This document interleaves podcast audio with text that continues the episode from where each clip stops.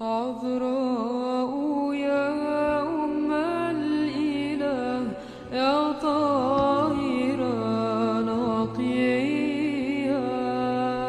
La det forgjengelige lys fra din åpenbaring skinne i våre hjerter, o menneskekjære Herre. Måtte du opplyse våre sinn når vi leser om dine hellige tjenere.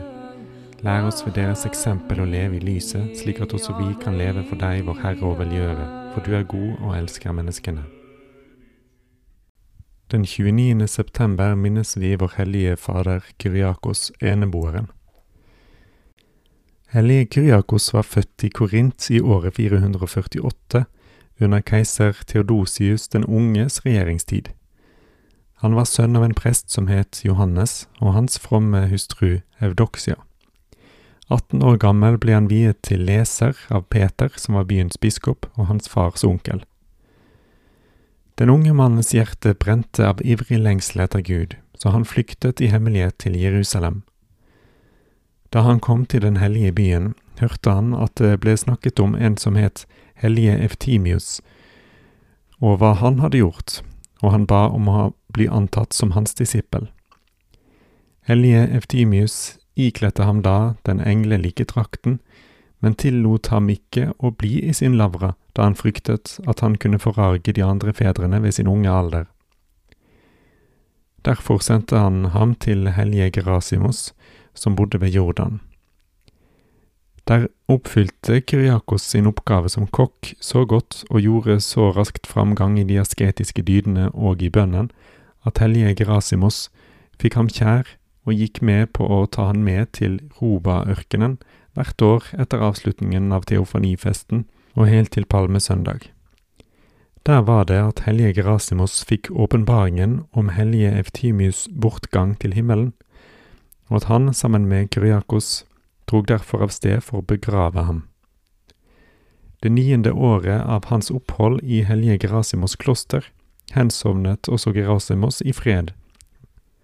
Da Kyriakos nå var blitt 27 år gammel, kunne han bli mottatt i hellige Eftimius lavra. Der tilbrakte han en viss tid i ensomhet, alt mens han understøttet lavraens omdannelse til et kenobium. Men da kjærligheten blant munkene var blitt kald, skjedde det at klosteret kom i vedvarende stridigheter med hellige Theoktists sitt kloster, som lå litt lenger nede. Kyriakos flyktet da fra forargelsen og uroen, og reiste derfor for å slå seg ned i hellige Karitons lavra i Soka. Der ble han i mange år, og betjente kommuniteten der med mangfoldige verv. Da han var blitt 40 år gammel, ble han presteviet og overtok vervet som sakristan der. I løpet av alle disse årene ble den salige ikke en eneste gang sint, og solen så han aldri spise sin mat. Da han var blitt 70 år gammel, trakk han seg tilbake sammen med en disippel til ørkenen i Natofas, og der led han alle slags kvaler for Kristi kjærlighets skyld. Og de ernærte seg kun av ville løk, som Gud på den helliges bønner hadde underfullt fratatt deres bitterhet. Det er et stort antall munker og troende fra alle sider strømmet til for å finne den helliges eneboerhule, noen for å bli befridd fra onde ånder, andre for å høre et frelsens ord, måtte Kyriakos, på tross av at han nå var blitt 90 år gammel, ta av sted til et enda mer avsidesliggende sted, som het Sosakim, og der levde han alene sammen med en tam løve, og den overvåket hans lille hage.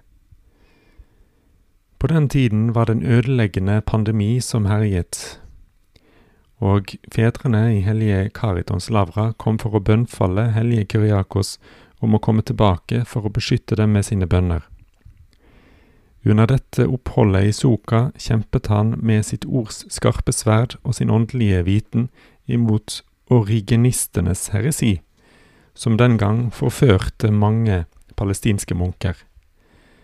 Da han hadde nådd en alder av 99 år over 30 av de kvalene som folkets nærvær voldte han, vendte han tilbake til sin eneboerhule i Sosakim, hvor han levde i ennå åtte år under ytterste askese sammen med engler og helgener.